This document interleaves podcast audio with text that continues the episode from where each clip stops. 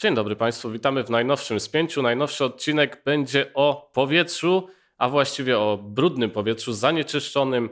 Jak Polska radzi sobie z problemem smogu? Dzisiaj o tym. Zapraszamy.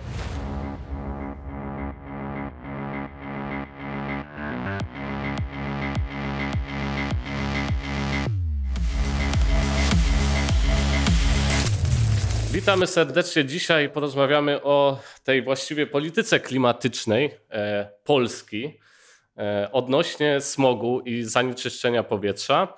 E, jest ze mną Jacek Perzyński, redaktor Business Alert. Witaj Jędrzej, dzień dobry Państwu. Ja nazywam się Jędrzej Stachura i właśnie z Jackiem pracujemy w redakcji.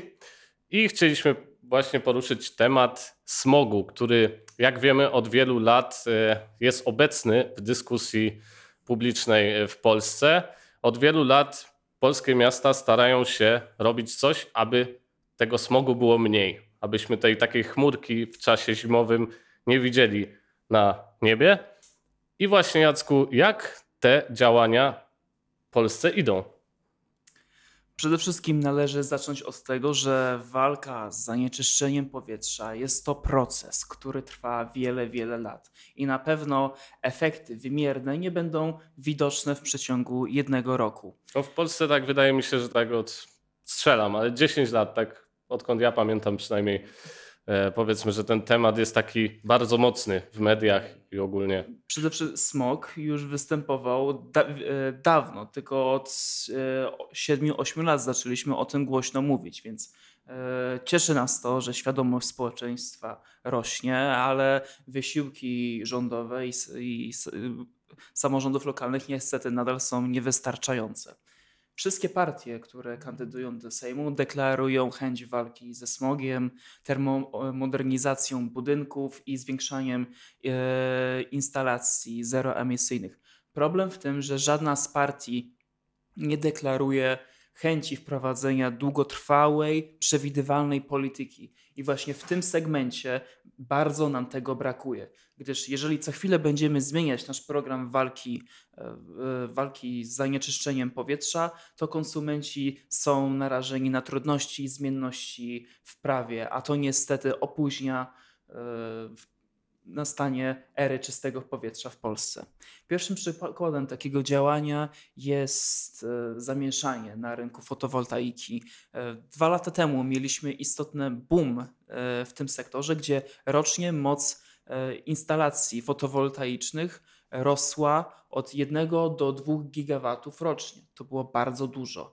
Niestety rząd wycofał się z e, preferencyjnych e, warunków dla konsumentów. Oczywiście nadal notujemy wzrosty instalacji fotowoltaicznych, ale nie jest on już tak gwałtowny i warunki nie są tak korzystne, jak e, były kiedyś. Innym przykładem są z kolei pompy ciepła. Pompy ciepła jest to stosunkowo e, bardzo zaawansowane technologiczne rozwiązanie i jest szeroko stosowane w nowoczesnym budownictwie. Jednak narastają obawy o taryfowanie energii elektrycznej, co jest kolejną trudnością w, w skutecznym wdrażaniu tej technologii. Musimy pamiętać, że walka ze smogiem wymaga stabilnej, przewidywalnej i długotrwałej polityki, a jak już wcześniej wspomniałem, odkładanie tego procesu opóźnia e, walkę e, z tym, z tym smogiem. Oczywiście na tym polu Polska osiągnęła e, spore sukcesy. Nie można być takim krytykanckiem. Mamy pewne osiągnięcia. Właśnie, bo to brzmi dosyć pesymistycznie, jak tak. Teraz może jakieś pozytywy. No przede wszystkim pozytywem jest miasto Kraków. Redaktor Jędrzej pochodzi z Krakowa i, i miasto akurat słynie z tego, że chwali się bardzo, że wcześniej, kiedy zaczę, e, zaczęto kampanię antysmogową, e, w Krakowie było aż 120 dni smogowych. Teraz e, liczba ta zmniejszyła się do około 40 jest poprawa. Można też powiedzieć, że Kraków był takim jakby punktem, od którego Polska, cała Polska zaczęła walkę ze smogiem, bo to on właśnie dostał łatkę takiego brudnego miasta, nad czym ubolewam bardzo. E, no ale to się zmieniło dzięki różnym działaniom. Między innymi też możemy wspomnieć o strefach czystego transportu, czyli bardziej lokalnym działaniu poszczególnych miast, tych największych na razie w Polsce, ale być może tych mniejszych również w przyszłości. Tych największych mam tutaj na myśli szczególnie Kraków właśnie i Warszawę, które już od kilku lat chcą wprowadzać te strefy czystego transportu. Taka próba była w Krakowie kilka lat temu na jednej z dzielnic, Kazimierz. Pozdrawiamy Kazimierz. Pozdrawiamy. Niestety ta próba nie udała się, ponieważ najpierw ta strefa czystego transportu została wprowadzona na 6 miesięcy. W planach było 6 miesięcy, skończyło się po 3 miesiącach przez protesty mieszkańców, którzy nie mogli dojechać do swoich domów, do restauracji i tak dalej. Kazimierz umarł na chwilę, więc te problemy są, jeśli chodzi o działania miast. Warszawa też planuje e, wprowadzić strefę czystego transportu. E, na razie trzy dzielnice, czyli Praga Północ, Praga Południe i Śródmieście. E, na razie konsultacje z mieszkańcami trwają i to jest właśnie ważne, że te konsultacje są, bo wydaje mi się, że kilka lat temu w Krakowie ich zabrakło. Teraz one są i w Warszawie, i w Krakowie. E, no i zobaczymy, co przyniesie 2024 rok, e, gdzie te strefy mają stopniowo E, tutaj działać w tych miastach. Ale oczywiście nie tylko te, miasta, e, nie tylko te miasta zasługują na wyróżnienie. Jest moim zdaniem na szczególną uwagę zasługuje również przykład Katowic, stolicy Śląska. Może nam się oczywiście stereotypowo wydawać, że Śląsk jest, mm, jest bardzo zanieczyszczone. Po części tak, ale stolica Śląska Katowice uczyniła wiele, żeby zmniejszyć e, szkodliwość e, zanieczyszczonego powietrza i miasto szczyci się tym, że posiada bardzo ogromne tereny zielone, skutecznie walczy ze smogiem i również prowadzi również dofinansowania dla termomodernizację i zeroemisyjne instalacje. Jednak z drugiej strony musimy też powiedzieć, że w Polsce nadal są takie samorządy, które nie dostrzegają problemu zanieczyszczenia powietrza i są szczególnie widoczne e, w okresie jesienno-zimowym na, map, e, na, w aplikacji Early.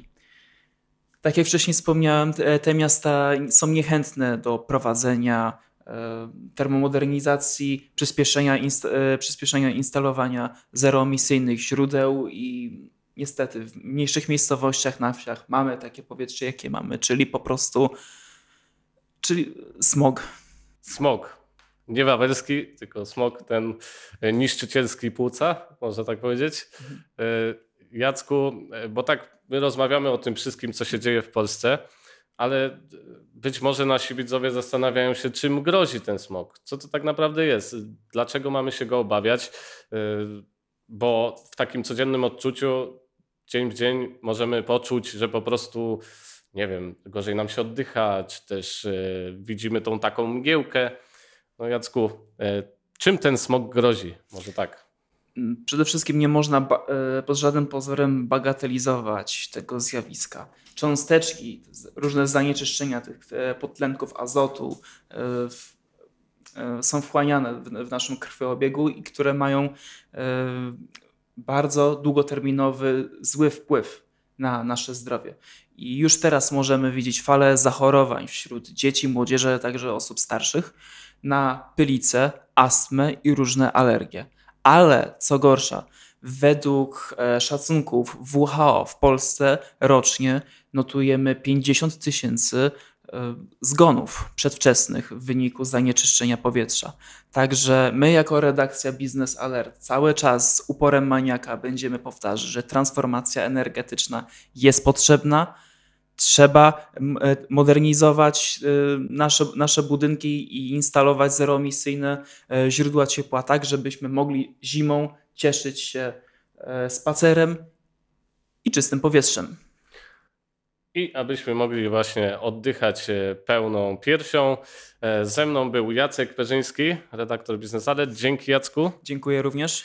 Państwu również dziękujemy i zapraszamy już za tydzień na kolejne spięcie i do sekcji komentarzy, abyście mogli Państwo podzielić się z nami opiniami na ten temat.